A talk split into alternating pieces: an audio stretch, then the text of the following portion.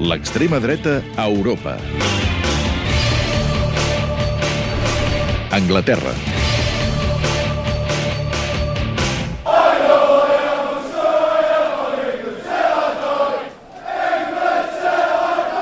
Podria semblar el càntic dels seguidors de qualsevol equip de futbol de la Premier League, però no ho és. Es tracta d'English Till I Die, anglès fins a la mort, un dels himnes de l'EDL, l'English Defence League o la Lliga de la Defensa Anglesa, una organització d'extrema dreta nascuda a l'estiu del 2009 com a reacció a una manifestació islamista.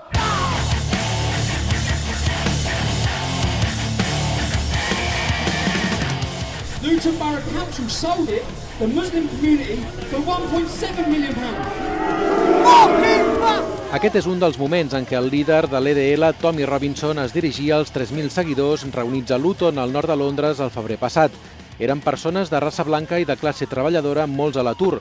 La White Working Class s'havia mobilitzat amb autocars procedents d'arreu d'Anglaterra, especialment dels nuclis industrials de Manchester, Birmingham i Liverpool. Les opinions que hi vàrem recollir anaven en aquesta línia. Nosaltres vam néixer a Anglaterra. No podem anar al Pakistan o a qualsevol altre país musulmà i viure com nosaltres voldríem viure. Ells haurien de venir aquí i mirar d'adaptar-se a nosaltres. El pastor anglicà de Luton, Nick Bell, valorava així la manifestació en declaracions a aquesta emissora. Uh. Penso que és una llàstima que això hagi succeït perquè Luton és una ciutat unida.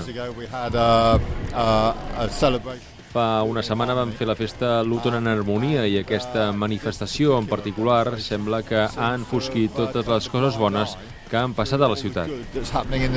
El soroll que poden arribar a fer 3.000 caps rapats alcoholitzats des de les 8 del matí és esfereïdor, però John Berry, portaveu de l'organització Unite Against Fascism, Units contra el feixisme, considera que aquest moviment xenofòbic és marginal. No penso que siguin gent representatius. Ells parlen per una minoria de joves que han quedat fora del sistema.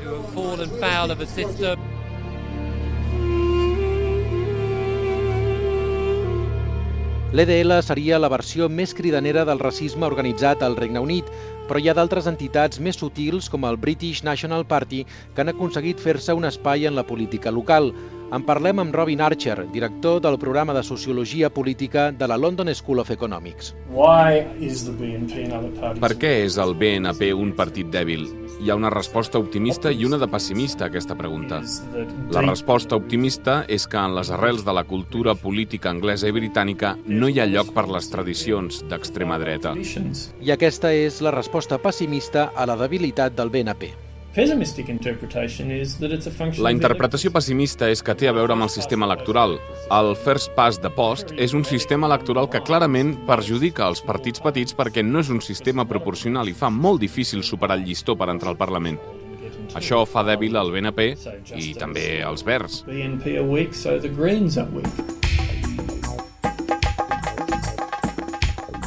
Hem de ser absolutament clars sobre els orígens d'aquests atacs terroristes.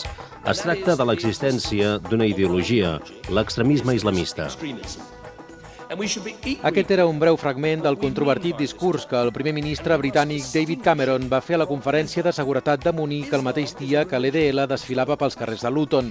Segons el professor Archer, la intenció del Partit Conservador britànic és recordar al seu electorat que ells també estan amoïnats per l'anomenat problema de la immigració, tal com també ho van fer abans els governs laboristes de Tony Blair i Gordon Brown. El Partit Laborista no ha ignorat completament aquesta qüestió.